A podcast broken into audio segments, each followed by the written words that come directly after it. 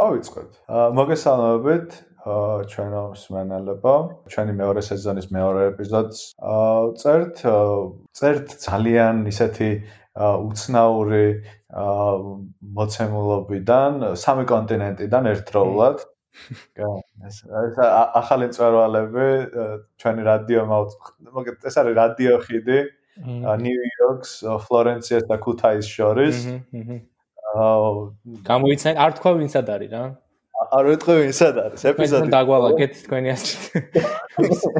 კომენტარებში თუ შეიძლება. გამოთქვით ვარაუდები ვინცად არის. ოკეი. მოკეთ ხო, მოუწყებოთ უკვე სამი კონტინენტიდან, რაც ალბათ უკვე მანიშნებია რომ ჩვენი შეჩერება აღარ გამოვა. აა საკმარის ამბობს ეს ფაქტი თავის თავზე მე მგონი. დღეს ჩვენი სტუმარი იქნება გიორგი ლაშვილი. გიორგის მიხვდები მე სად არის, იმიტომ რომ ყველა მეც რა. აა გიო არის ჩვენი სპეციალური კორესპონდენტი ამერიკიდან. აა მეორე სტუმრობს დიდი მადლობა ამისთვის.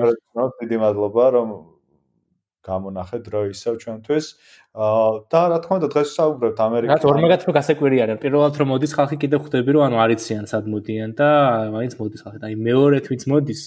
აი ხალხის მიკვიც. მე მე ზოგადად ეგეთი მიდრეკილებები მაქვს რომ მეორე ჯერას არ უნდა გააკეთო იმე.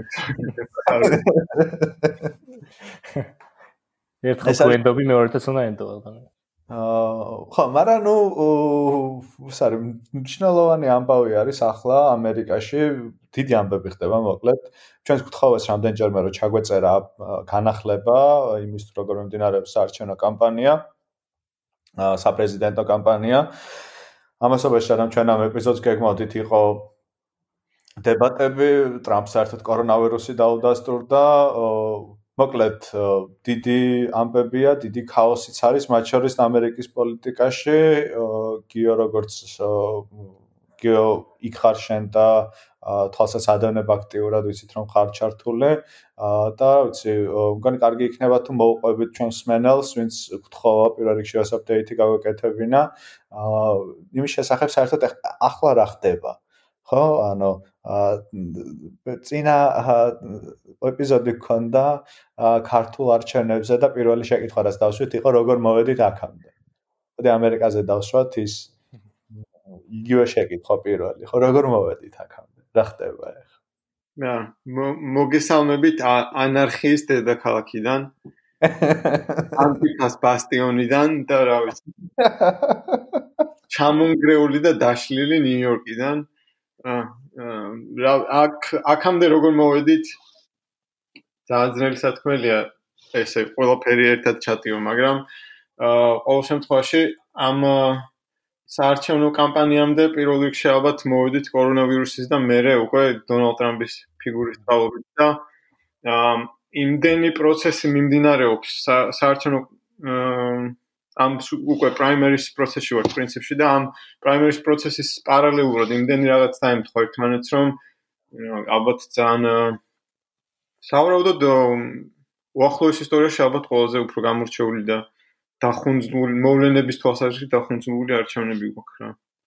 კი, ვერ მოიწყენ ნამდვილად, ხო, რაღაც ერთი დღეც აი მართლა ეს 2020 რო გააუცებს მუდმივად თავის იმას სახელს ამართლებს რაც მიეწერა. ცალკე თავი არის ამ 2020-ში მგონი ეს ამერიკის არჩევნები.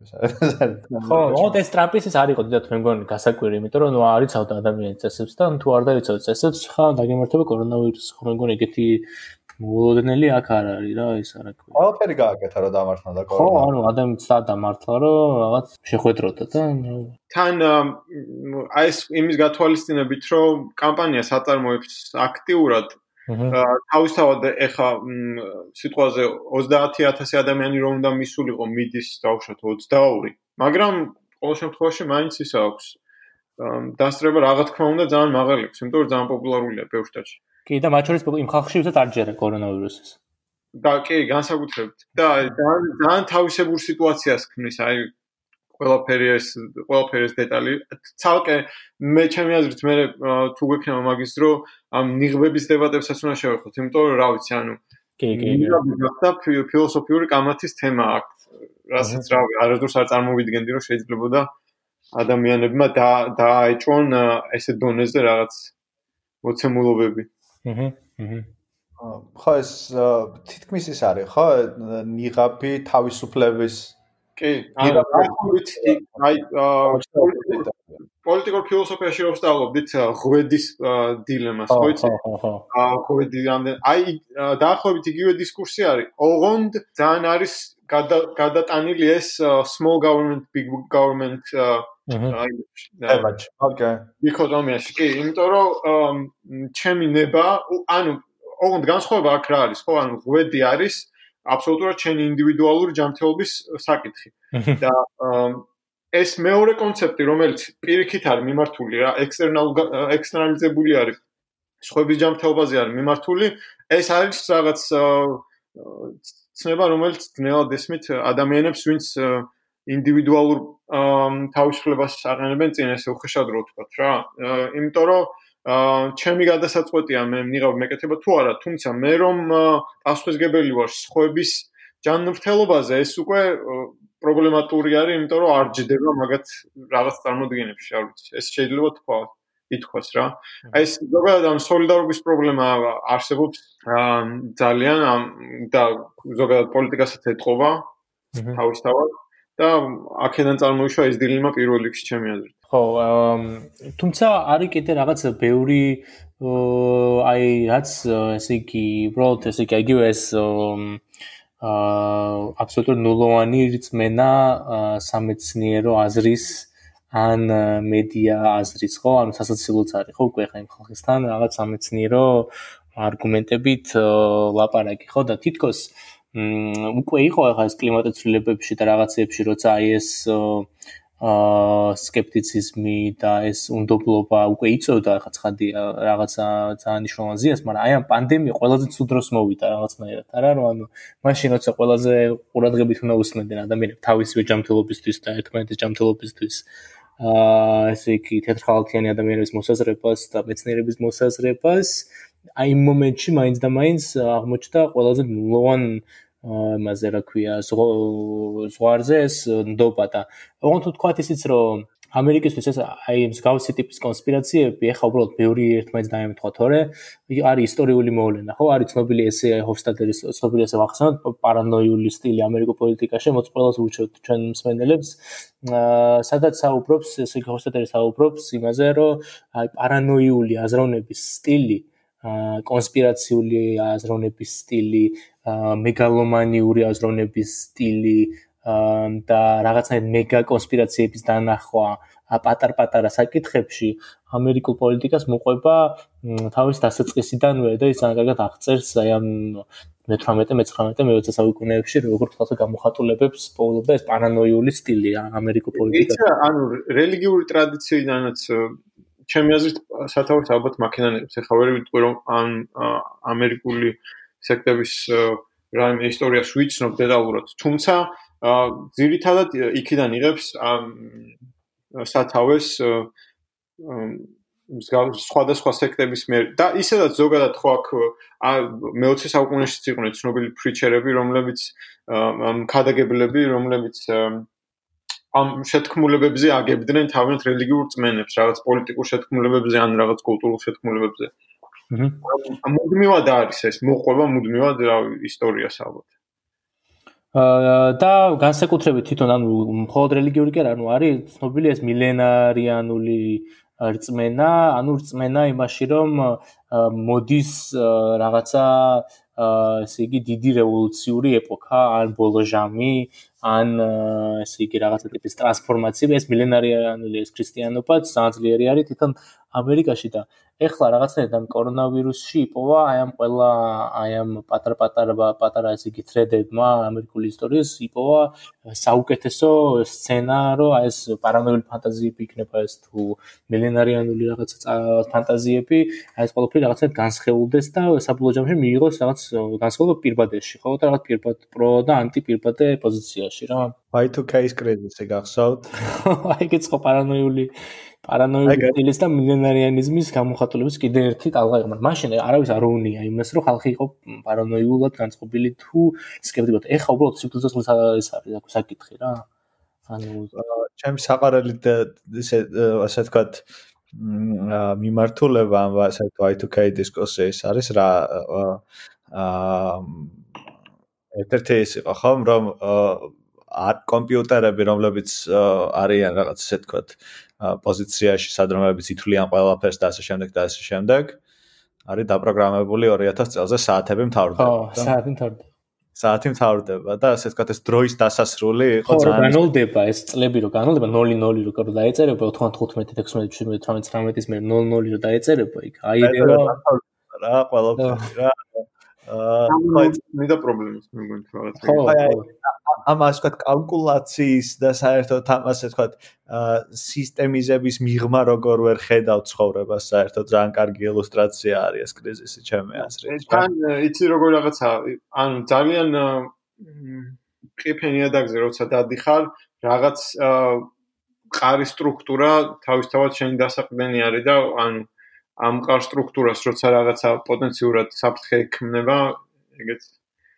კი აი ის ხო არის ეს ამერიკელები ძალიან აა ძალიან განსაკუთრებით კინოლოთ რო იღებენ სტოკ მარკეტის კრაშს რა. ეგ სტოკ მარკეტი არის ჩემი აზრით ეგ ყველაზე მყარი სტრუქტურა რაზეც ცდილობენ რომ დადგენ. ნუ სტოკ მარკეტი თავი თავისი არსი და არ არის მყარი რა თქმა უნდა ანუ რეფერენსი არის ძალიან მნიშვნელოვანი კულტურულად წარმოდგენილია როგორც სტოკ მარკეტი არის ეს რაც ამყოფებს ამერიკას ამერიკად ასე თქვა ხო ამიტომ თუ სტოკი არის კარგად, ყველაფერი იქნება კარგად. ამ დებატში სხვა შორის ნელა გადავიდეთ, ხო დებატს. დებატში ტრამპმა ეს რამდენჯერმე გამოიყენა ეს თვითონ არგუმენტად, არა? კი, კი, კი. რო სტოკია კარგად, სტოკი ანუ სტოკი თუ კარგად არის, ამერიკა კარგად არის. მისი ლოგიკა ასეთია. იქიდან მოდის მე კითხვა, რომ აიცი 200000 ადამიანია მკვდარ. მაგრამ იქიდან ამის პასუხადაც კი ტრამპი არის რომ მე შევხედე სტოკს ამ დროს და ასე შემდეგ, ხო? პასუხი გახსოვთ თუ მე მგონი მაისში თქვა რომ ისინი 64-დან გვიყურებენ და ამაყობენო, რომ რომ ამ გამო ამ თქვა რომ Fox News-ი იყო ეგეთი ისა რომ მე დარწმუნებული უამრავი მოხუცი ადამიანია ვინც ვინც ბედნიერი იქნებოდა იმისთვის რომ გარდაიცვალოს იმის რომ აი ეკონომიკას ზიანი არ მიადგეს ესე. და ხო ეს stock market-ში თან ისიც თქვა ხო ანუ საიდან მოდის ეს ისა რომ ანუ რაღაცა პერიოდი იყო მართლა ნუ 50-იან წლებში 60-იან წლებში 40-იან წლებში 50-იან 60-იან წლებში აა სადაც თეთრი ამერიკელებს მართლა მაღალი ის კონდა წილი ანუ ბევრ ბევრ მათგანს მართლა კონდა სტოკი რა. ანუ ამერიკული მოსახლეობის რაღაც ხელშესახები ეცაც ინვესტორები დივერს ინვესტორების დივერსიფიკაცია იყო. თან მით უმეტეს მაშინ როდესაც გარკვეული წლების შემდეგ შეგეძლო უკვე შესყიდვა შენი კომპანიის სტოკის და გენიჭებოდა კიდევაც ო თეთრებს ისიც მაშინ რა თქმა უნდა თეთრების ის იყო მაშინაც და ეხა უბრალოდ ძალიან სასილა იმიტომ რომ ნუ ძალიან პატარა პროცენტს აქვს სტოკები და რომ მაინც შემორჩენილი არის აი ამ სტოკებით საუბარი კეთილდღეობაზე რა. ხო მაგრამ აი ეს ამერიკული კეთილდღეობაც ხო ანუ პოსტ პოსტ ომის კეთილდღეობა ანუ ჩვენ ხო ეგ დამბუნებრივი არის ამ რას ამას ვამბობ რა. ანუ ეს კულტურულად ძალიან ღრმად არის ამ თანამედროვე ამერიკის დაფუძნებაში უკვე რა.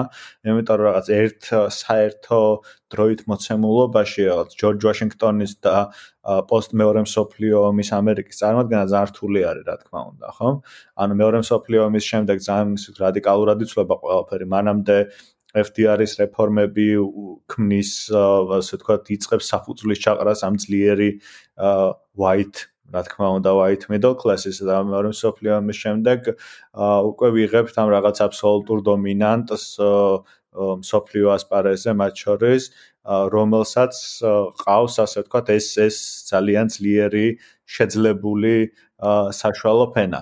ასე ვთქვათ, საშუალო ფენა ისეთ შეძლებული, როგორიც ამ რაოდენობით ალბათ არასდროს არსად არ ყოფილა აქამდე, ხო?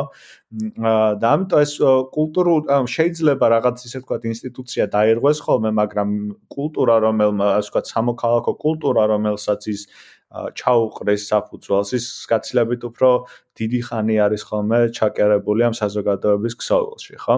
აა ამიტომ ეს ახლა ძალიან ისეთი პერიოდია, ჩემი აზრით, რომ აი ახალი თაობისთვის თაობისთვის უბრალოდ რომელსაც აი თვითონაც არ ქონია ალბათ ამ სტოკთან და მარკეტთან შეხება.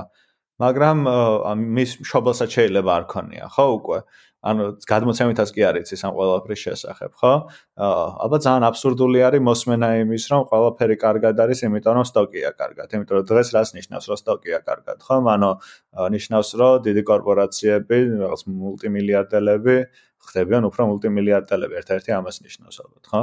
იმიტომ რომ ალბათ 300 მილიარდი, ანუ მილიარდერები მოიშოვეს 300 მილიარდის ქონება კორპორაციების კრიზისიდან.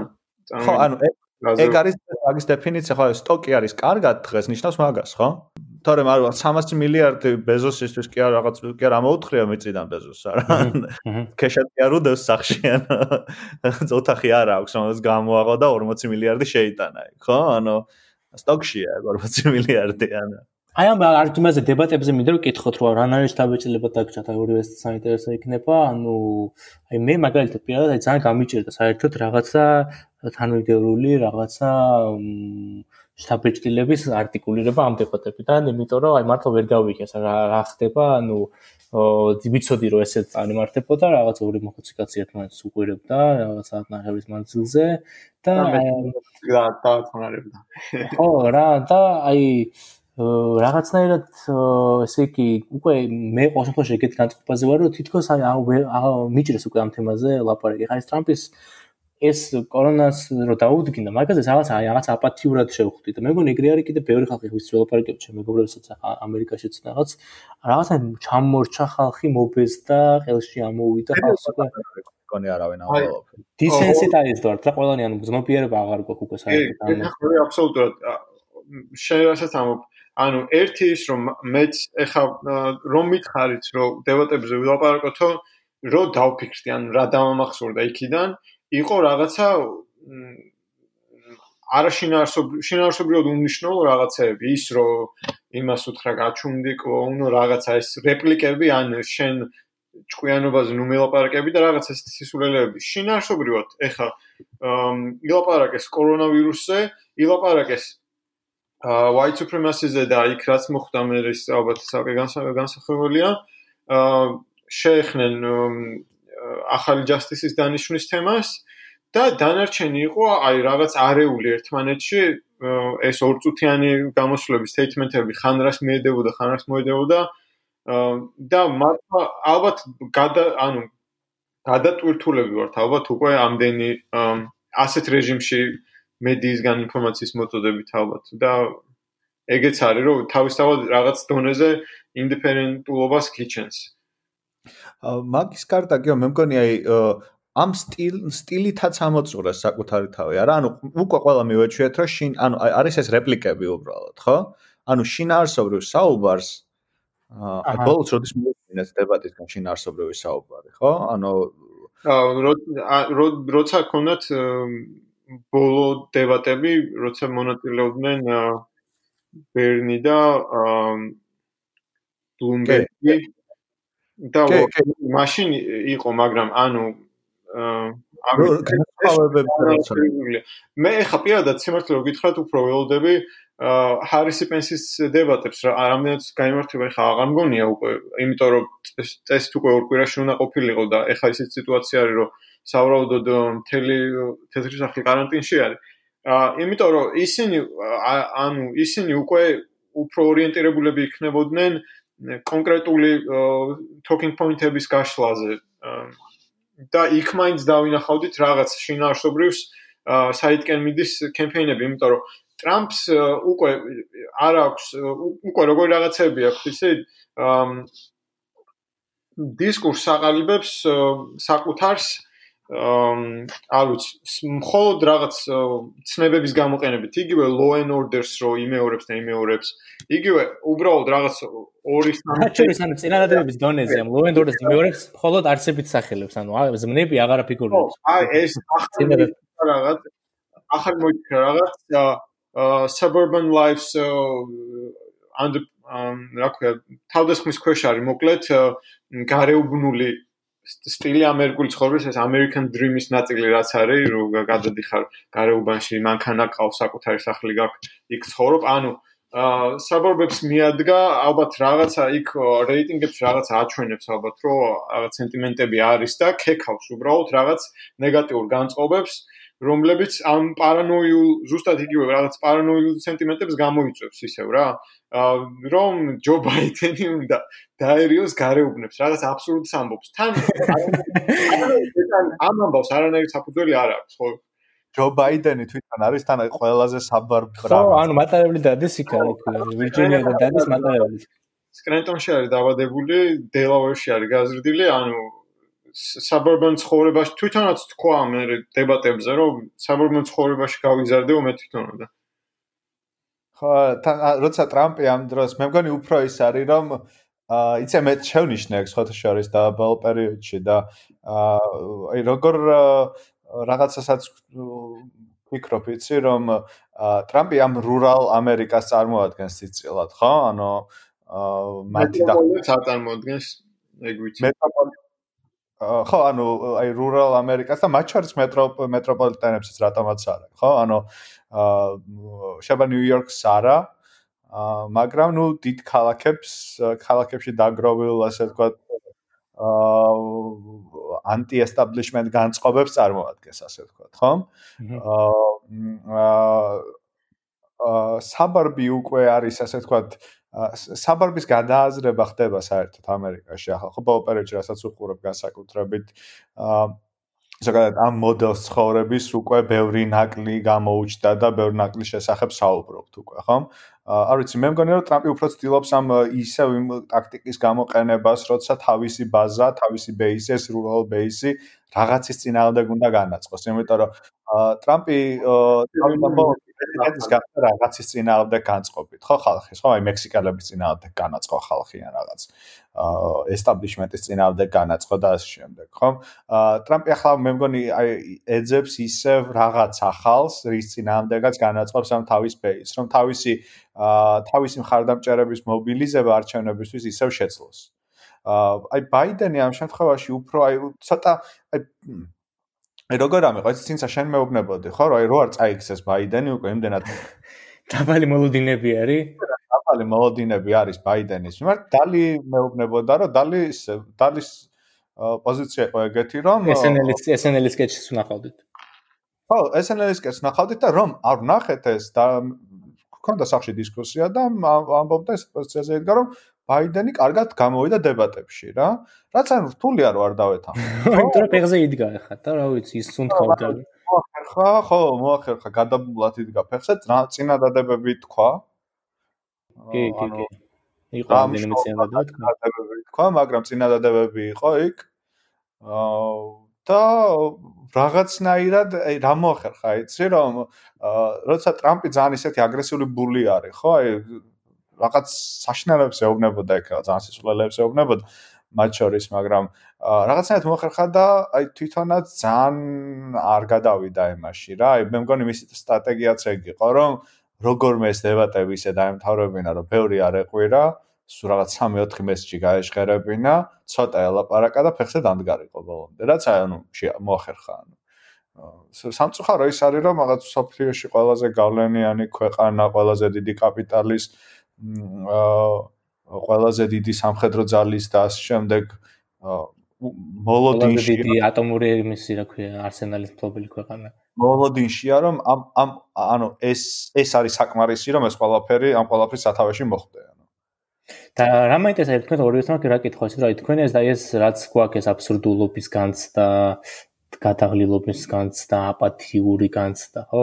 ეს ისტორიულად სპეციფიური რაღაც მოვლენა არის ესეთი თუ ჩვენ თაობა მიაღწია ახლა მაგიმას და ყველა თაობა აღწევდა ხოლმე დაახლოებით მსგავს ესე გამოცდილებებს სხვადასხვა თაობებში ხო შეგვეთქვათ რომ ვიღაცებისთვის ეს იყო ნიქსონის გამარჯვება ხო?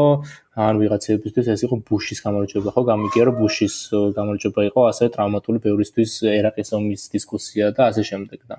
აა შეიძლება ესე არის თქო საქმე რომ ანუ ჩვენ თვითონ ეს არის თქო რა რაღაც მაგაზე ვფიქრობდი მე. ანუ საინტერესო თქო რა ვფიქრობ აა ჩემი აზრით ხო პრინციპში მოიძებნება ბევრი აა პერიოდი ისტორიაში. მეორე მსოფლიო ომის წინანდელ პერიოდს ადარებენ ოღონდ იქ სხვა პარალელები ივლება ეხა ინდივიდუალურ განწყობებზე ძნელი არის ლაპარაკი ეხა 100 წლის შემდეგ. თუმცა პოლიტიკური სიტუაციიდან და ეკონომიკური ფონიდან გამომდინარე ალბათ ყველაზე მეტი ბარბები მაინც მეორე მსოფლიო ომის წინანდელ პერიოდზე ივლება, როდესაც ეკონომიკურად ან დიდი დეპრესიის შემდეგ ეკონომიკური ფონი ანუ ყოველდღიურობას განსაზღვრავდა იმდენად რომ ანუ სიგარიბე და სიგარიბეს ვეღარ გაიქცეოდი ფიზიკურად და მეორე იყო ეს სხვადასხვა რადიკალური სენტიმენტების მემარჯვენე სენტიმენტების გაღვივება რაც რასაც დღესაც ხედავთ და დებატებშიც ნახსენები იყო პრინციპში იმიტომ რომ ნიშნულოვანი პოლიტიკური საკითხი არის უკვე დღესდღეობით. აა მე გიო გეთახმები ეს მეორე მსოფლიო ომის წინარე პერიოდი ძალიან გაოს რა ეს ჩვენი მოცემულობა რა. მაგრამ აა იცი აი ცინცას რეფლექციას რომ გამოვეხმაო რომ ასევე და დისკუსიაში დავრჩე ვიტყვი რომ აა მეორე მსოფლიო ომის წინარე პერიოდში არ ვიცი მაშინ მე ვცხოვრობდი მართალია დიდი დეპრესია ქვია ყველაფერს და ამ შემდეგ მაგრამ მე მგონი მეტი იმედი იყო რაღაცეების მიმართ ესეთ დრამას ვიტყვი რა. ახლა ჩვენ ვართ აბსოლუტურად მოდერნული ეპოქა იყო ეს ხო ისეთ ან სოციალური მეცნიერების განმოსახედიდან რომ შევხედოთ ხო?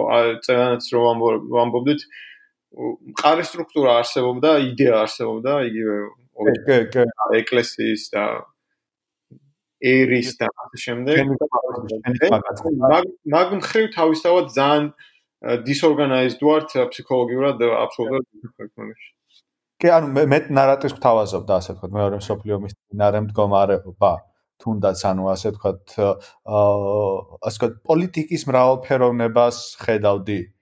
აა შესაძლებელია ეს არის ერთ-ერთი მიზეზი რის გამოც დამთავრდა ისე როგორც დამთავრდა ეს ყველაფერი ხო? და მე ძალიან დიდი იმედი მაქვს რომ ისე 2939 წელი არ მოხდება. 2039 აღარ იქნება უბრალოდ ხო აა მაგრამ ფაქტია რომ ჩვენ ხედავთ დიდ და ესე ვთქვათ მყარ მემარჯვენე shift-ს სოფლიოში დღეს. აჰა. ეს არის მემარჯვენე shift-ი კულტურულად, ეს არის მემარჯვენე shift-ი ეკონომიკურად და ჩვენ ვერ ხედავთ მის მემარცხენე ალტერნატივებს. აა რის რითაც განსხვავდებოდა მე-20 საუკუნის მეორე მსოფლიო ომის წინარე პერიოდი ზუსტად. იმიტომ რომ მათ შორის ანუ ასე ვთქვათ დასავლეთში კულტურულად აა ბევრი მემარცხენე ჯგუფი იყო რომელიც ასე ვთქვათ ცდილობდა ალტერნატივის შექმნას. ალტერნატივაზე მუშაობდა მაინც. განცდა მაინც ქონდა რომ ეს ადამიანები რაღაცას ცდილობდნენ რომ გაეკეთებინათ ხო აა ჩვენ ახლა ვერ ხედავთ ასე ჯგუფებს. აა ჯგუფები, რომლებიც არიან ყველაზე წინ ამ საზოგადოებრივი აქტივობის, ხო? მათ შორის თუნდაც იგივე Black Lives Matter, ну, დიდ რამეს აკეთებენ. ისინიც რომ არ იყვნენ, წარმოიდგინე სად ვიქნებით, ხო? აა ისინიც კი არტოვებენ რაღაც კონკრეტულ ჩარჩოს პოლიტიკური დისკურსის და პოლიტიკური დისკუსიის.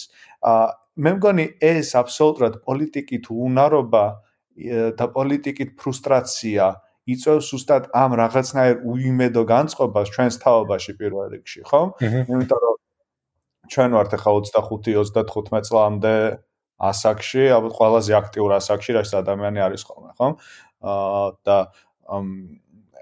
იცი აი ეს ეს კომბინაცია საერთოდ აი ასე ვთქვათ ეს პოლიტიკით აბსოლუტურად აი მიუღებლობა საერთოდ ხო? ანუ გზის აბსოლუტურით არ დანახო უალტერნატივობა ხო? მარჯვენას და ისე მარჯვენას შორის არჩევანს რა აზრია უბრალოდ ხო? ამ ამ ანუ უბრალოდ ამ არჩევანს რახან ვერ ვხედავთ ეს დებატებშიც კარგად ჩანდა ხო? ანუ ჩვენ ორ აბსოლუტურად ერთი და იგივე ადამიანს უყურებდით რეალურად ხო? ანუ ეს დონალდ ტრამპს და ჯო ბაიდენ შორის განსხვავება მანერები არის უბრალოდ მეტი არაფერი ხო? ანუ მათ შორის შინა არსობრივი სხვაობა დიდი არ არის ამას ყველა კარგად ხვდება მაგრამ და იგივე პრობლემა საქართველოს პოლიტიკასაც ხომ აქვს არა? ანუ ამ ხედავთ მარტო ფორმებს შორის განსხვავებებს შინა შინა არსობრივი სხვაობას ვერ გთავაზობს პოლიტიკური ველი.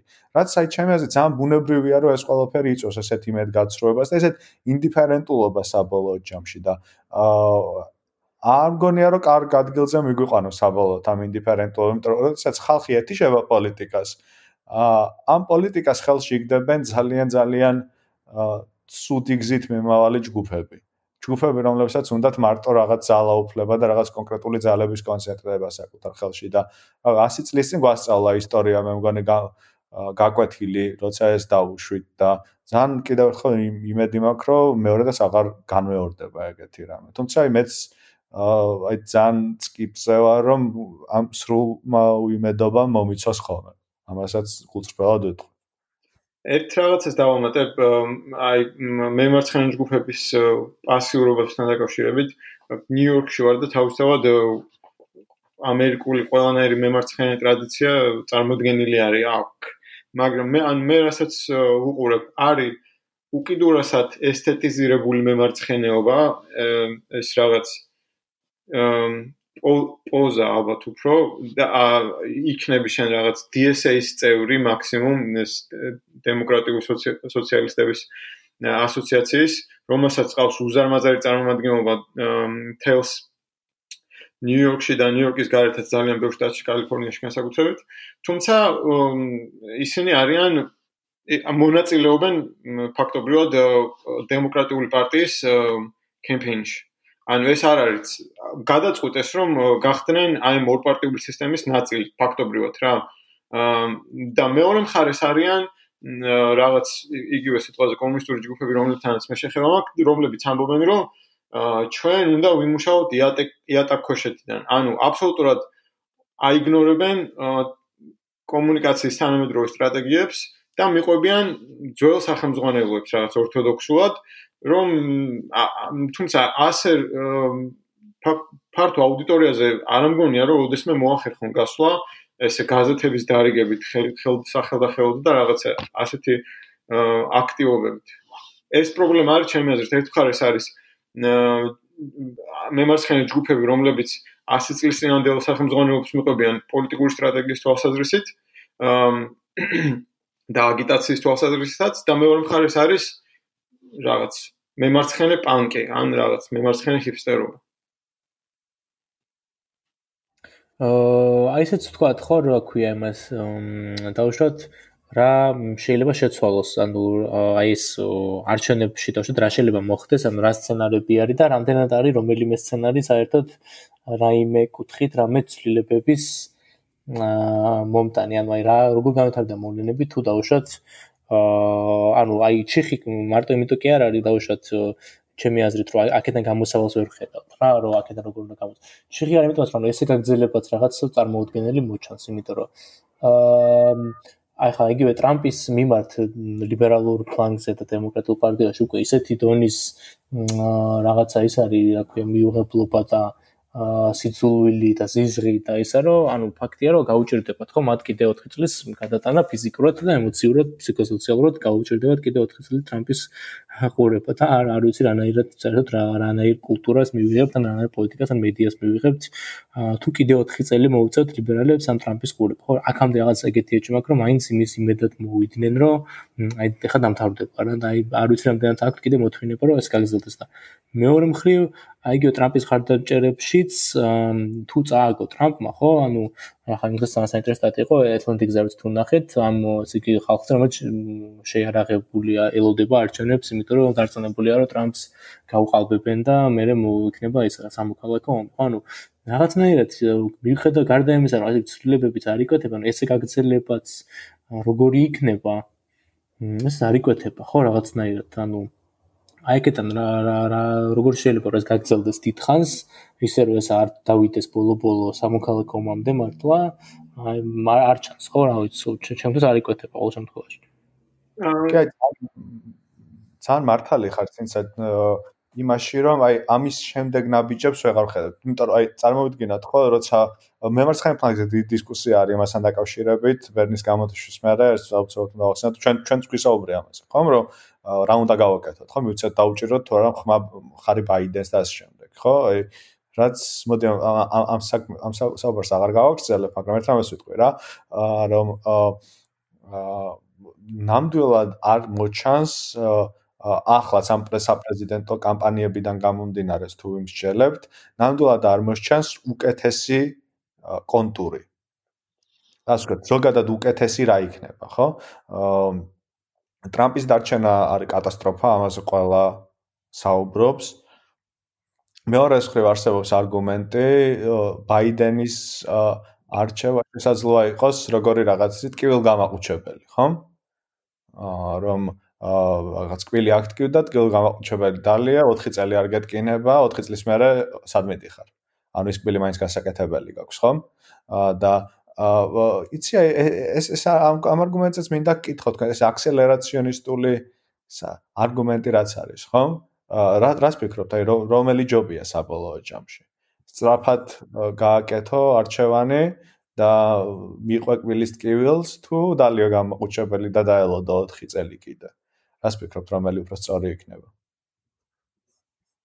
ძალიან ძნელი სათქმელია ჩემ ჩემელია რა თქმა უნდა.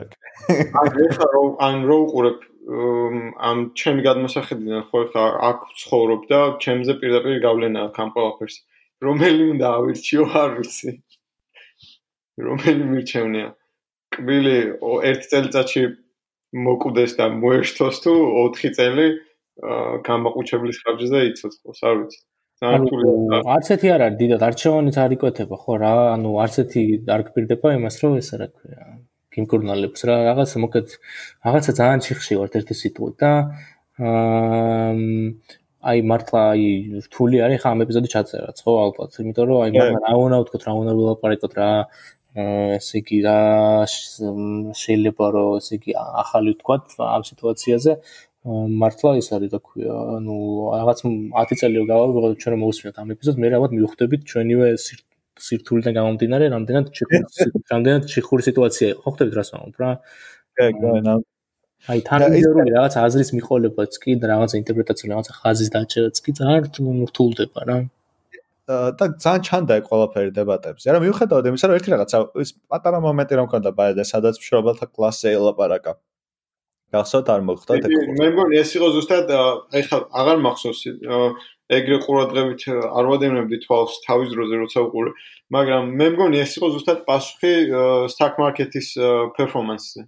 მე მგონი მაგით ანა კე კე კე ზუსტად ეგრე პასუხა. ანუ working class ამერიკისთვის რა რას ნიშნავს? რა სხვა ჩერს ამ რიტორიკას მე მაინც არ ველოდი ბაიდენისგან იმიტომ რომ ბაიდენი ცნობილი არის იმით რომ აი status quo არის მისი მეტსახელი ხო? ანუ რაღაცნაირად მოახერხოს, რომ არ გადაკვეთოს ეს წითელი ხაზები რა და ეს working class-ი ამ სიტყვათა შეთანხმების ხსენება საერთოდ საკმაოდ ისეთი წითელი ხაზია, მაინც შეიძლება პირადსაუბარში გადაკვეთოს, მაგრამ საპრეზიდენტო დებატზე არ ველოდი რომ ამას ახსენებდა საერთოდ. აა რაც აი არ მინდა რომ თავი რაღაც false positive-ით მოვიტყო, მაგრამ მოდეს ჩამოყებებს სულ სულ არაფერს ჯობდა რა ამ ყველაფრის. working class-ზე როცა ვლაპარაკობ ნებაზე, ეხლა უკვე თავისთავად ბერნი სანდერსის დამსახურებითაც და ზოგადად სიტუაციიდან გამომდინარე შემოვიდა პარტიულ დისკურსშიც. თუმცა იქ აქამდე ყოველთვის ერიდებოდნენ და მაგის მაგალითი არის რაღაც პოლისი იყო მახსოვს ზუსტად ამ ამ თემას თემასთან დაკავშირებით გაიხსენეს ჯო ბაიდენის ოფისის მიერ შემუშავებული და ანუ პოლისის მიზანი იყო, როგორც თვითონ დოკუმენტში იყო ნახსენები, working class-ის გაძლიერება, რაღაც ესეთი ზოგადი მიზანი ჰქონდა და ზუსტად ამ ამაზე შეხვდა წინააღმდეგობა და მოუწია working family-თ ამ ტერმინით, უფრო ნეიტრალური ტერმინით ჩანაცვლება ეს ობამას დროინდელ ადმინისტრაციაში ვამბობ, როცა მუშაობდა ჯო ბაიდენი და ეხლა თავისთავად სიმპტომატური არის რომ working class-ი როგორც ტერმინი გამოჩნდა და საპრეზიდენტო დებატებშიც გამოიყენება. აა ეს ძალიან ნაწილობრივ არის მაინც შენ სახსენეს ბერნის და მისი კამპანიის აა ბერნის და მისი კამპანიის დამსახურებაც, ხო? იმიტომ რომ აა ნუ ცხადი არის მგონი ბევრისთვის რომ ის რომ ბერნი დათანხმდა ასე გამოთიშვას ბრძოლიდან და ამ შემდეგ ნიშნავდა რომ და ბევრიც წერებოდა რომ შეეცდებოდ რაღაც გარანტიებს მიიღებდნენ რომ მათი პოლისის ნაწილი იქნებოდა საპრეზიდენტო პოლიტიკაში ხო რაც ბევრისთვის რაღაც ზოგისთვის ოპორტუნისტულ ნაბიჯად ჩაითვალა ზოგმა პრაგმატულ ნაბიჯად მონათლა. თუმცა ისე აი ბაიდენის პოლისიში მე ბევრი ბერნი მაინც ვერ ნახე საბოლოო ჯამში და ბაიდენისგან თქვენ სოციალური სამართლიანობის ნაბიჯებს საერთოდ ველოდები ალბათ, მაგრამ იმდენად მე მე მგონია რომ რაღაც ისე თქვა საფუძველის შემზადება რაღაცნაირად მაინც უნდა შეძლოს და ეს თუნდაც ბერნის გამოთიშვით რაღაც სარგებელი მაინც უნდა ნახოს ამ მარცხენა ფლანგმა DSM პირველ რიგში ხო რომელიც ცოტა უფრო კონსტრუქციული ნაწილი არის მე მარცხენა ოფისაციობენ ამ პოლიტიკურ ჩარჩოში ორ ორ პარტიულ პოლიტიკურ ჩარჩოში იმუშაონ ისევ რა მაგრამ აი რამდენად გამოვა ეს ყველაფერი განსაკუთრებით ასეთ ქაოტურ სიტუაციაში როცა აი დებატებს ვცდილობთ გავარჩიოთ და ვერც კი ვიხსენებ დებატებიდან რაღაც ეს მიმდინარე მსჯელობის ხაზებს გარდა იმის რომ რაღაც ვინ რეპლიკა ისროლა და ეს რეპლიკები იყო მხოლოდ. აი ასეთ პოლიტიკაში ამ სტრუქტურული, მათ შორის იდეოლოგიზირებული სოციალისტური მიდგომის დანერგვა შესაძლებელი არის ქონი აზრით ხედავთ საერთოდ ასეთ ქაოსში რაღაცას ქო სტრუქტურის შეტანის შესაძლებლობას თუ რაღაც ისეთი შეუსრულებელი მისია რომელიც უბრალოდ ეს ქო დროს დააკარგვინებს ამ პროცესში ჩართულ ადამიანებს და ბევრ კარგ ადამიანს მათ შორის ხო? აა იცი მე მე მარცხენე პოლიტიკა რაშიც გამოიხატება აქ ამერიკაში და რასაც აწვებოდა ასე ვთქვათ ბერნი იყო თავისთავად ეს უნივერსალური დაზღვევა green new deal და climate changes თვის განკუთვნილი ცვლილებების პაკეტები რაც green new deal-ის ნაწილი არის. დებატებზე უთხრა კიდევაც ტრამპმა ერთ-ერთ მომენტში Green New Deal-ს ეთანხმები თუ არაო და მე რო ეუბნებოდა რომ აი ეხლა radical left-ი დაკარგე შენ მაგითიო. ხო, ეს ძალიან მომენტი იყო რა. არიზიარებს, კი, თავისთავად არიზიარებს Green New Deal-ი მისთვის კი არა, პელოსისთვის, რომელიც წარმოადგენს კალიფორნიას, რომლისთვისაც climate change-ი ყველაზე უფრო აქტუალურია მთელს ამერიკაში. ისიც არიზიარებს იქიდან გამომდინარე რომ აბსოლუტურად იმ ხელშეუხებლებს მოითხოვს, რომ მართლა რაღაც სოციალ-დემოკრატიულ რელსებზე უნდა გადავიდეს მთელი ქვეყანა. თავისთავად არიზიარებენ, არიღებენ. ამ რაც შეეხება უნივერსალურ დაზღვევას, იქ ჯო ბაიდენს თავისი სტრატეგია აქვს, რომელიც აი პირდაპირ გამოხადავს მის ცენტრისტულ და status quo პოზიციას, რომ ისიც იქნება და private-იც იქნება. ორივე ერთად იქნება. რაც რეალობაში როგორი მუშაობს, არავინ არ იცის, იმიტომ რომ არის მუშაობს. მე მარჯვენი არგუმენტი ის არის, რომ private თუ იქნება და არჩევანის ანუ არჩევანს ეს დაუტოვებ, private სექტორი მოკვდება. მე მარცხენა ვეუბნებიან, რომ თუ დამსაქმებელს შეუძლია აირჩიოს, იქაც რაღაც გარკვეული კონფლიქტები იქნება. ანუ სისტემა როგორი მუშაობს გამართულად არავინ არ იცის. ესეთ ესეთ თვითარებაში, როდესაც ორი არჩევანის წინაშე დააყენებ ადამიანებს. ეს არის ის ძირითადი საკითხები, რა რაზეც ალბათ არის უთანხმოება ბერნის კემპეინის და ბაიდენის კემპეინის შორის და პრინციპული უთანხმოება არის პრინციპში. ეს შეიძლება ხო, აი იგივე ჯანდაცვის სიმპტომატური არის იგივე ამ სოლიდარობის თემას უბრუნდებით. ხო, კიდევ ერთი მიზეზი რატომაც ელემენტად ვერ იმუშავებს, ხო, კერძო ჯანდაცვის სისტემა აა საყოველთაო იგი ჯანდაცვის სისტემას არის მათ შორის საქართველოს საერთაშორისო ეს პრობლემა საქართველოს არის პრობლემა არის ის რომ როგორც კერძო კერძო დამზღვევები აა კერძო დაზღვევა შედარებით ჯანმრთელ ადამიანებს შესთავაზებს უფრო იაფ ჯანმრთელობის დაზღვევის პაკეტებს აა და შედარებით ჯანმრთელი ადამიანები იაფად შეძლებენ რომ გადავიდნენ კერძო სექტორში, სახელმწიფო სექტორში რჩებიან ადამიანები ქრონიკული დაავადებებით და ადამიანები მოხუცებულები და სხვები, ეს მომხდარ შარიპი ადამიანები, ასევე რიცხვი ჯგუფები არიან ბევრი დაავადებების. და მათ ეძებათ კიდევ უფრო მეტად ასე იგი თავის პაკეტის ფასი და ერთადერთი როგორც მუშაობს ეს საყოველთაო ჯანდაცვა არის რომ თუ ამ ორს ერთმანეთთან შეაერთებ და ამ ადამიანების ჯანმრთელად ყოფნას დააზღვევ ამით დააზღვევ სხვების ქრონიკულ დაავადებებს. ეგ არის მთელი აზრი და ის რომ ამისი გაყოფა გინდა ხო როგორც ახლა ბაიდენს როს ხო? ანუ თუ არ გინდა რომ იყოს ერთი სისტემა და იყოს ორი, მაშინ გავგებერე საერთოდ რატო გინდა ერთი სისტემა, ხო? ანუ თუ ესე იგი ამათ არ ამოძრავებს ეს განცდა სოლიდარობის და იმის განცდა რომ ეს რისკები უნდა გადავინაწილოთ ყველამ ერთად და ამით ყველაზე მაღალი რისკები ვისაც აქვს იმათ გავუიაფოთ სადაზღვევო პაკეტი, ხო? საერთოდ მაშინ რა აზრი აქვს საყოველთაო ჯანმრთელობას, ხო?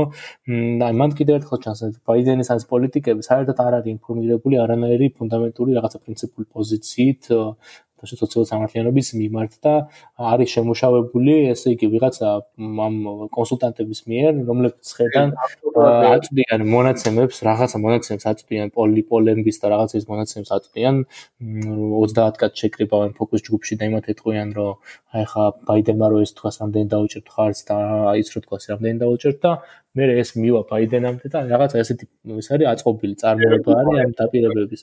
რომ რაც შეიძლება მეტი ადამიანის თვის რო იყოს relevant relevantური რო ანუ რაც შეიძლება მეტი ადამიანის ხმა ხმას მოერგოს.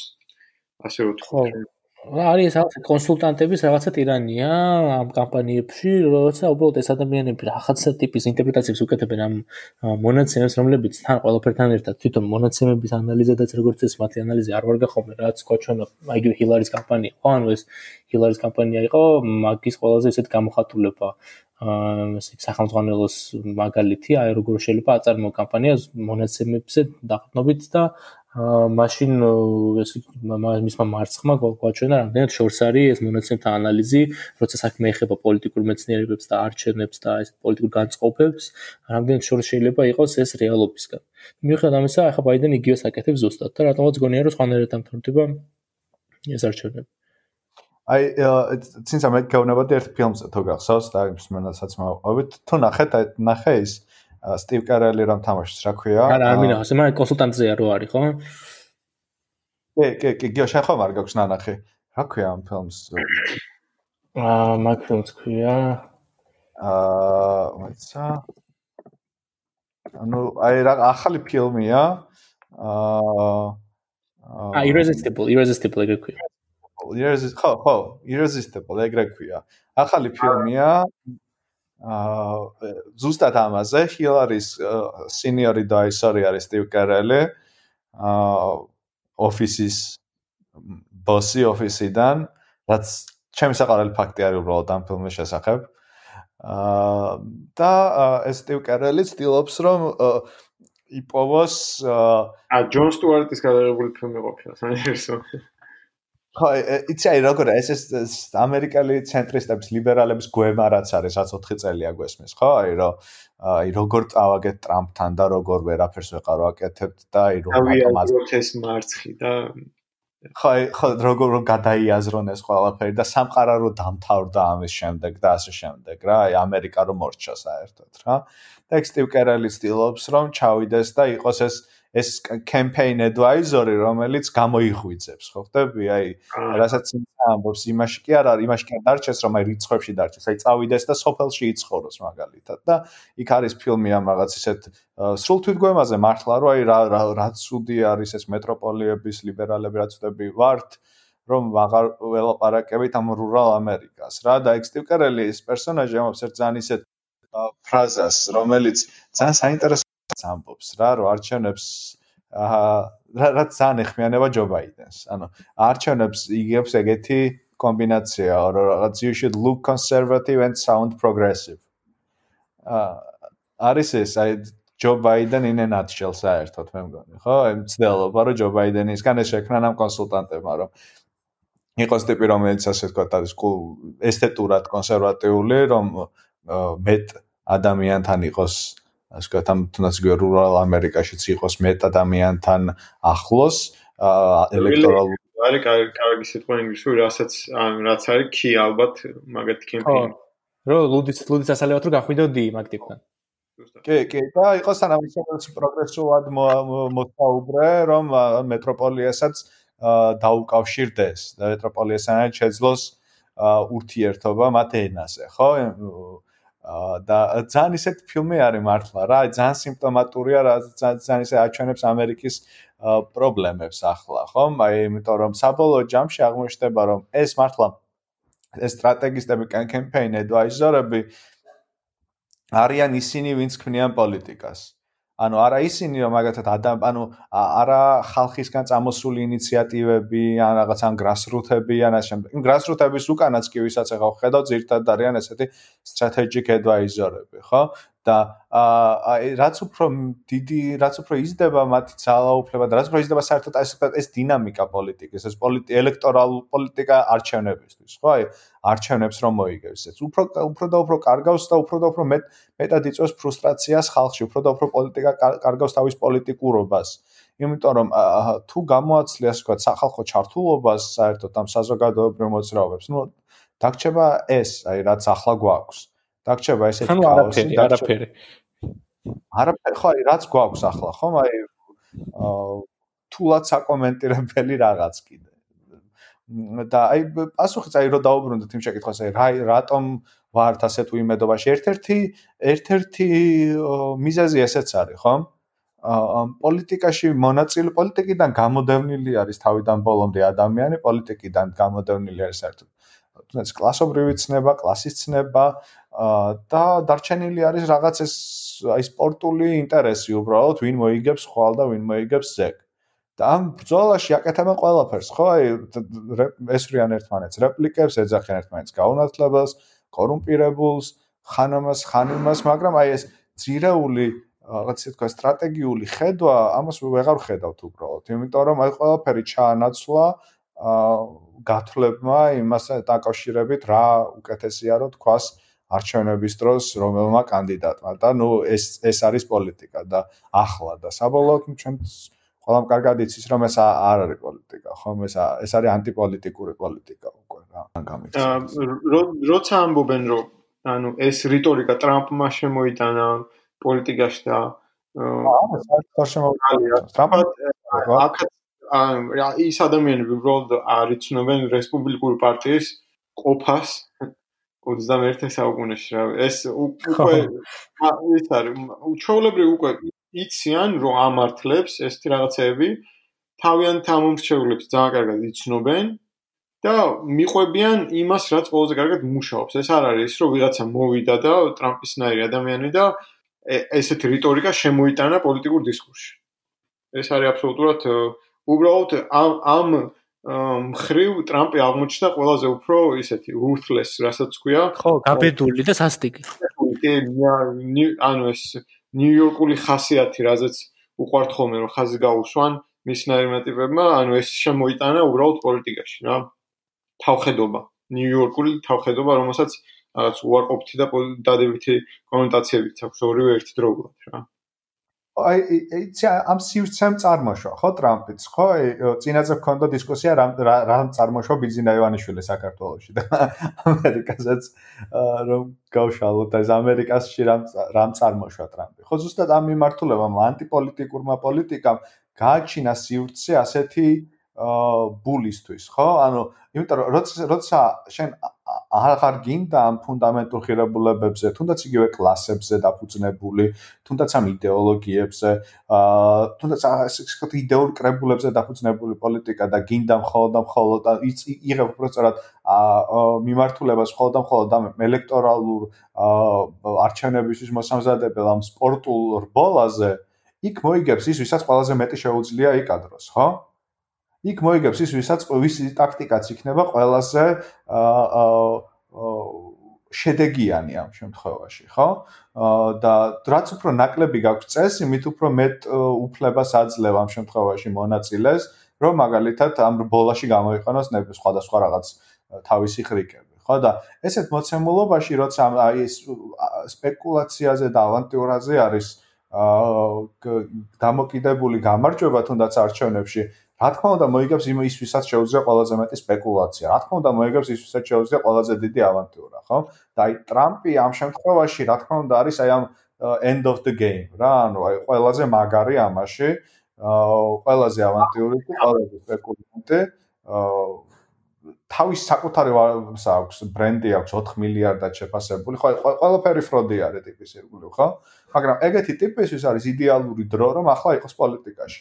ესე გამოვიდა, აი აქამდე მოვედით ახლა. კი, გეთახები ნამდვილად.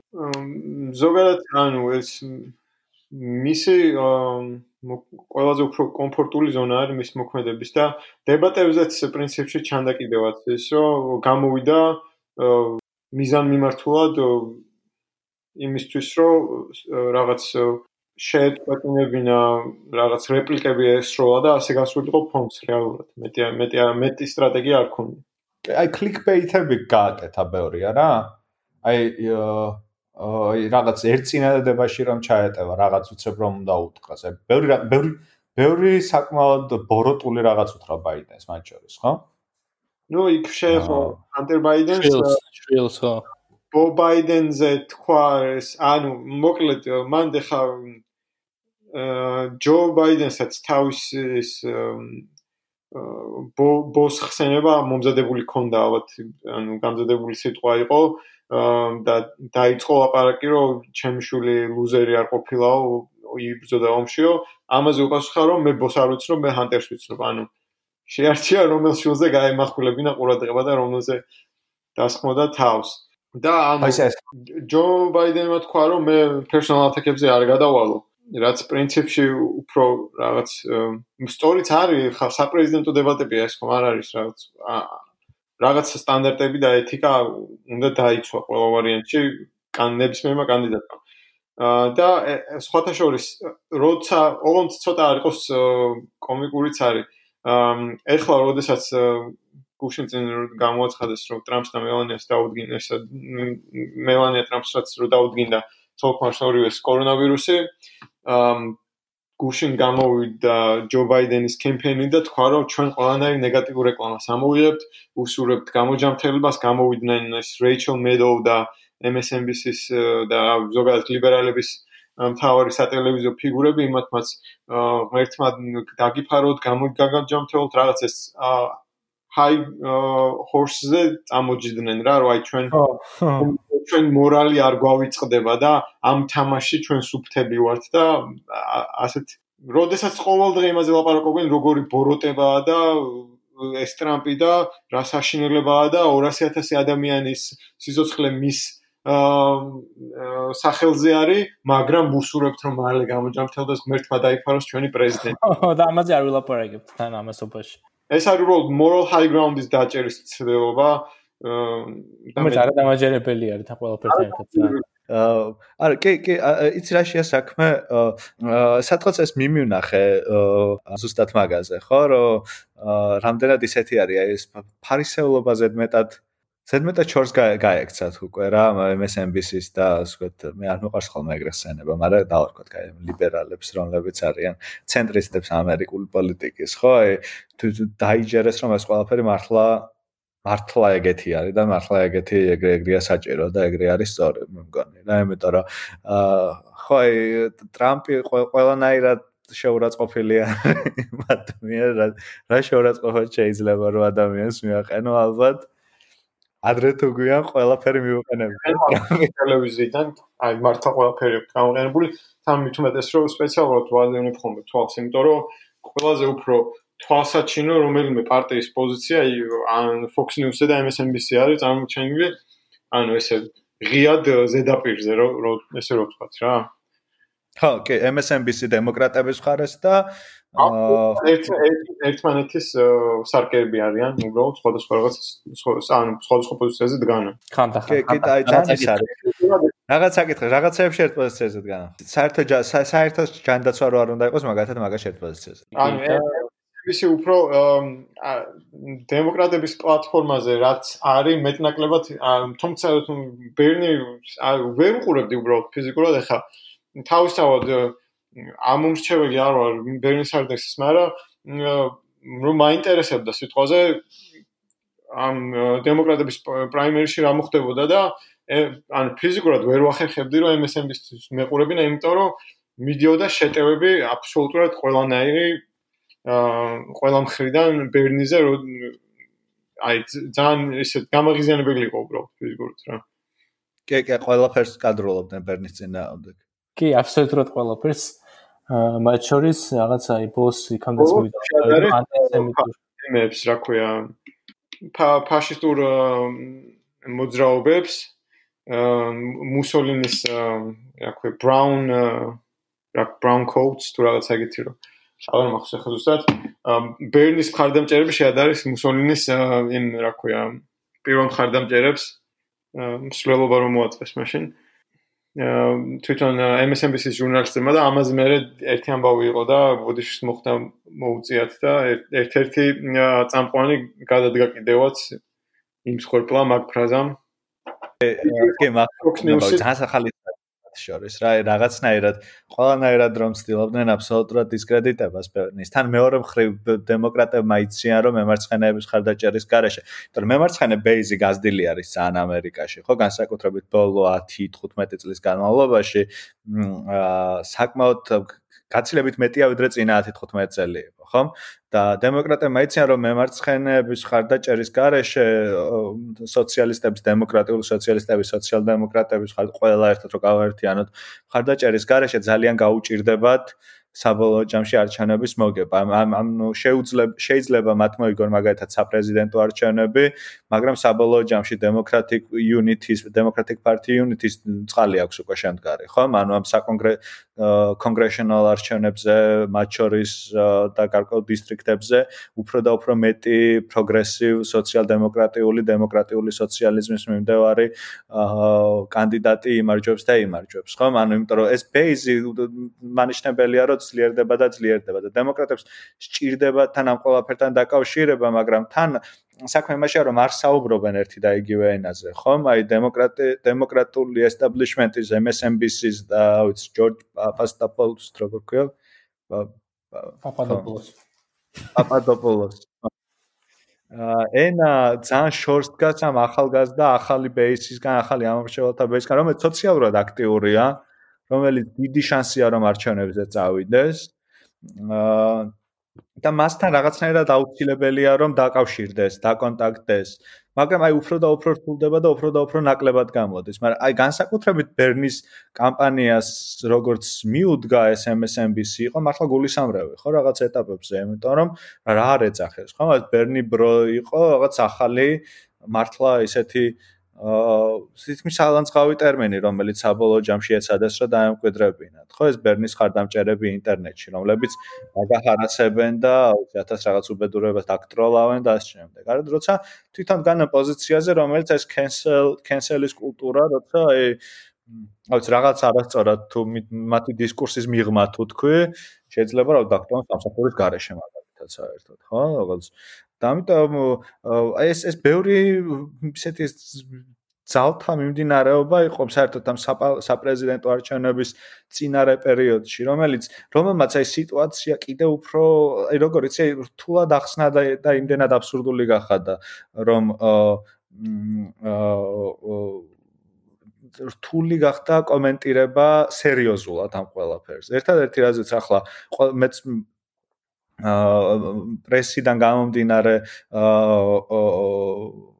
რასაც ამახვილებენ აქცენტს მეც თვალს ვადანებ არის ეს რეპლიკები clickbait სათაურები.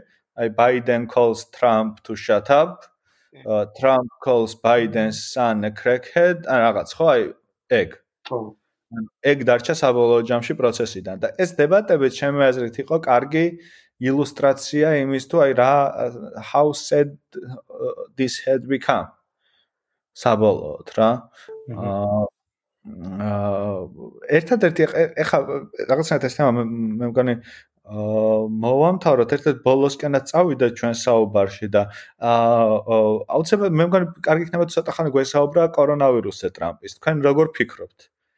აა რა მიმართულებით წაიყვანს ეს ყველაფერი პროცესი, ხო? ანუ ტრამპი ამ ყველაფრისგან გამოძრება და ტრამპი აა რომლის რეიტინგზე იქონიებს ასე ვთქვათ კანონს რახან ყველაფერი ეს პოლისი უკან დარჩა და დაგჭა მარტო რეიტინგები მოდი ჩვენც ამაზე ვისაუბროთ ცოტა თუნდაც ვიმარჩიელოთ როგორ ფიქრობთ ეს კორონავირუსის სიტუაცია ვის უფრო აძლევს ხელს? მე მგონი რომ ის არა ქვია აა რაღაც დიდი ეს არ იქნება ამას გავლენა, იმიტომ რომ იმდენად უკვე რაღაცნაირად აი მე ვერ რაღაც ვერ წარმოვიდგინე ვერავინ ვინც აი ეხა შეიცვლი და აზრს ანისიან ეს. რაღაცნაირად უკვე იმდენი იმდენად უკვე ეს ორი მხარე იმდენად გამოყოფილი არის ერთმანეთისგან და იმდენად ერთმანეთს შორიდან უყურებს რომ მე თულად წარმოვიდგინე რომ ვინმე აზრი შეიცვალოს ამ ან რამე სხვა სხვა მოვლენის შედეგად საერთოდ რაც შეიძლება კიდევ აცი მოხდეს რა ანუ რაღაცა მიღმა არის მე მგონი ეს პოზიციები ცვლილების ერთადერთი მის რა ქვია, მგონია რომ იმდენ პატარა ის არის, რა ქვია, განსხვავება ხა იგივე ჰილარისთანაც სამდვილე შემდეგ პატარა განსხვავებით მოიგო ტრამპმა, რომ იმდენი ხალხი თუ შეიწირა ამ კორონავირუსის განსაკუთრებით მოხუცებულები, მართლა შეფეს ტრამპის იმას შეეტყოს, რა ქვია, არჩევნების ტრამპის მმ იმას რა ქვია, რაოდენობის ხმების, როგორც ბრექსიტის დროს, ესე იგი, როცა ბრექსიტსაც ხო ისინი რა ქვია, ასაკოვანი ხალხი უჭერდა მხარს და მაშინ ბრექსიტის განმეორებითი ესე იგი ხმის მიცემის მოცი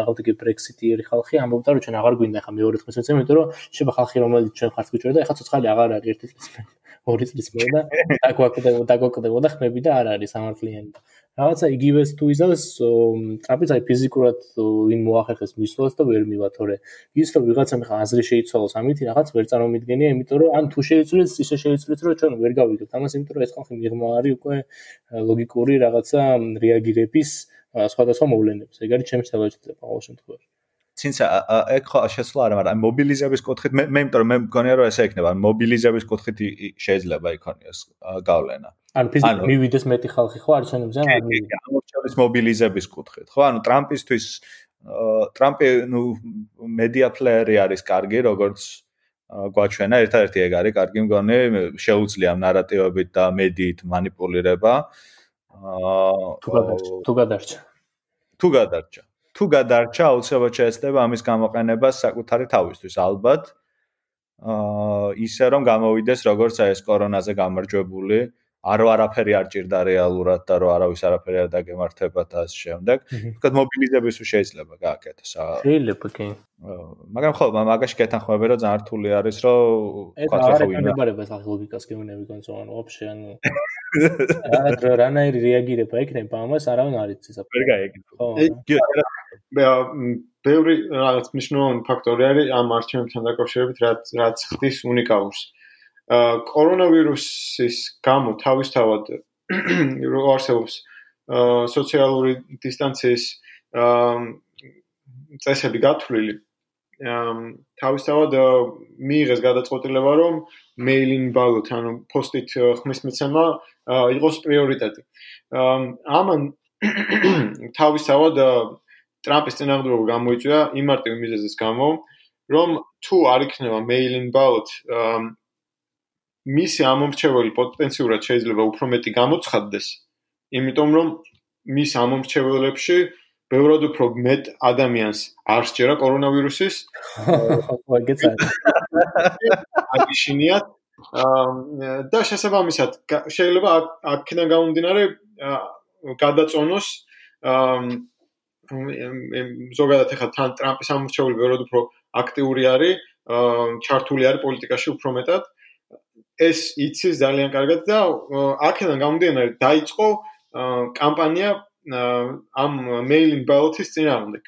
ოღონდ ეს არის უკვე ძალიან ისეთი მიღებული და გამოაპრობირებული წესი ხმის მიცემის სამხედროები ასე აძლევენ ხმას. ძალიან ბევრი ადამიანი ზოგადად მილიონობით ადამიანი ასე აძლევს ხმას ყველა არჩევნებზე.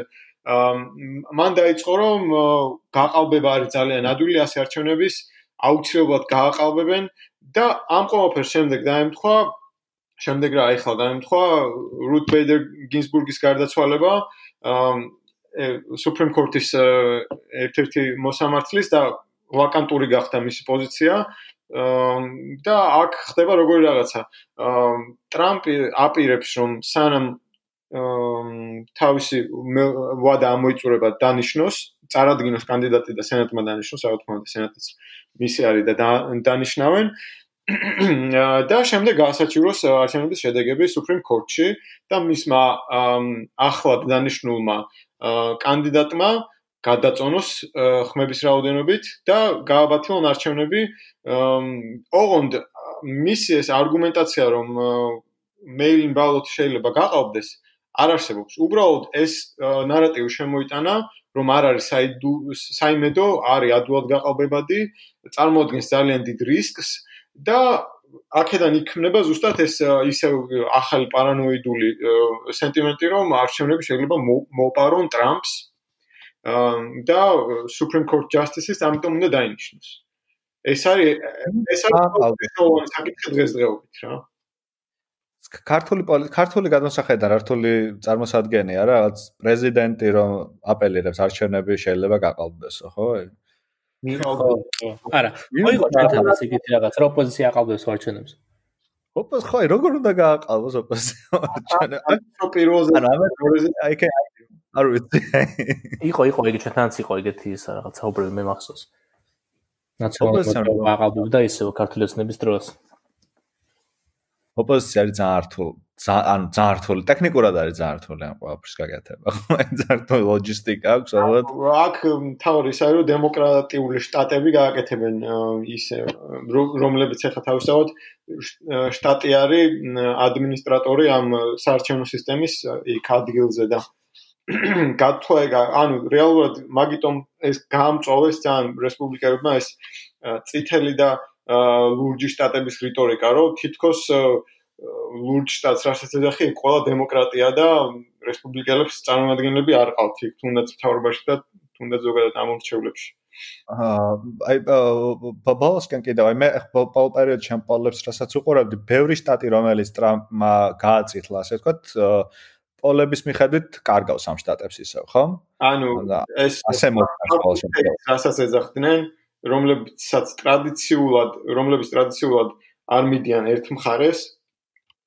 აა ესეთ შტატებში, ესეთ შტატები აა ოჰაიო იყო თუ არ ვცდები, მაშინ გადამწყვეტი 2016 წელს. კი, კი. ესეთ შტატები მოიგო ტრამპმა უმეტესად, თუმცა ეხლა ეხლა უპირატესობა არ აქვს იქ. მიუხედავად იმისა, მაგრამ ხო პოლები გვაჩვენებს რომ აგებს ამ შტატებს მაგრამ აი პოლები ჰილარის დროსაც გვაჩვენებდა რომ ჰილარის მოგებული ქონდა ის არჩევნები ანუ ამიტომ ძალიან მიჭირს გვაჩვენებდა რომ ჰილარის ქონდა შანსი ტეხასში ეგეთი ის მახსოვს მე პოლო რაღაც არჩევნებამდე ერთი ორი დღე იყო პოლინგი რომ ეხა პოლები გვაჩვენებს რომ ჰილარის შანსი აქვს ტეხასში და ხო არ იქნება უფრო ჭკვიანური რომ ჰილარი დახარჯოს მეტი ფული რეკლამებზე ტეხასში. ბოლოს რაღაც 30% წააგო ტეხასში რაღაც ხო ძალიან ეს არის. ამ შემთხვევაში ბაიდენს აქვს ეს ის ხო? ჯოც ძალიან ეს არის conservative looking. აა შეუძლია შოტი red state-ებზე ჩემი აზრით მაინც კონდეს აა ფლორიდ მე თუ სწორად მახსოვს ფლორიდაში აქვს მე მგონი შანსი და ის აა ძალიან შეხედა დემოკრატიული ჩარტო ძალიან ძალიან სასაცილო იყო ხა აა არ აქვს ეს მედია სკილები თავისთავად ისე ისეთი როგორც ტრამპს და გამოვიდა ფლორიდაში როცა ქონა კემპეინი, ოღონდ ცარიალი აუდიტორია იყო და უბრალოდ ლაივ სტრიმი იყო და I have only one thing to say და ჩარტო despacito. ანუ ეს ეს აი ეს იყო. ურის მოგებას ფლორიდელების რა. არავინ არ იყო თან ხო მოთახში მარტო თვითონი. იყო კომიკური რა, ანუ გამოვიდა და მიკროფონი. ხო, ტელეფონში ჩარ, ტელეფონი ჩარ მიიტანა მიკროფონთან თან. რა რისი იმედი ქონდა და მართლა. არ არ ხო, მაგრამ ეს არის რაც გვაქვს, ანუ ეს არის ჩვენი მოცემულობა ახლა. აა დიდი მადლობა გიოს სტუმრობისთვის. ბოლოს კენ მე მგონი კარგად აა ეს რაღაცა დავთავროთ დღეს მაშინ. დესპასიტო თქმა და დაამთავრებთ, კი, მოგესმენთ ამის. უკვდაო. მობილური დაიცა. მობილური ჩარტე ხო ეგრე გავაკეთე. მობილური ჩარტე სასწრაფოდ დაგავაკეთეთ, კი. არ ვიცი, ბოლოსკენ რა რა გვაქვს, თუ გვაქვს რამე დასამატებელი დავამატოთ, ერთადერთი პროგნოზებზე მოდი მე თავ შევიკავებ, იმიტომ რომ მე რო არ გამართლდეს აღმოჩნდება რომ არ სწორი პროგნოზი გავაკეთე და ვიღაც ინტრიგანი თეთრ ცხოვრება წამომაძახებს. პროგნოზები არა, მაგრამ დიდი მადლობა იმას რა ქვია მსმენელებს, ვინც მეორე სეზონის დაწყება მობილოცა წინა ეპიზოდის შემდეგ და გვისურვა წარმატებები და გითხრა რომ კიდე მოგვისმენს მეორე სეზონშიც. კი, მესამეშიც მოგვისმენს, იმედი გვაქვს და იმედი გვაქვს რომ ბევრი და ბევრი გავხდებით, იმიტომ რომ ჩვენი ჩვენი პოლები ესე გვაჩვენებენ რომ წინ ბევრი რამე გვაქვს. აა გასავლელი ჯერ კიდევ. დიდი მადლობა კიო. აა ჩართვისთვის კიდე. ესე დავამთავრე.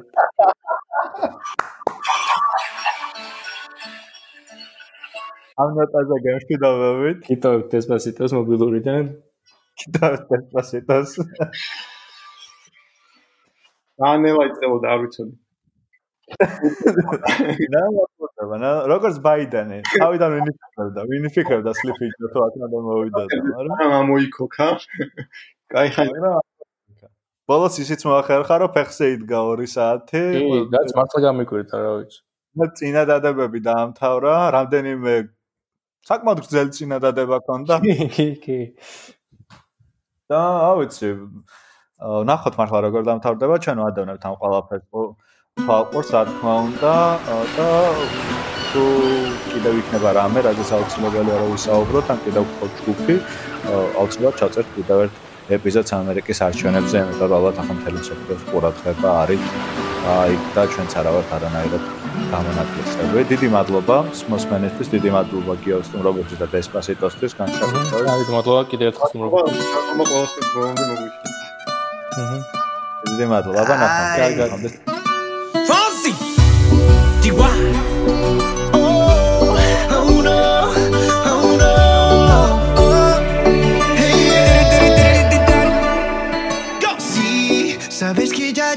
rato mirándote. Tengo que bailar contigo hoy. Vi que tu mirada ya estaba llamándome. Muéstrame el camino que yo voy. Oh, tú, tú eres el imán y yo soy el metal.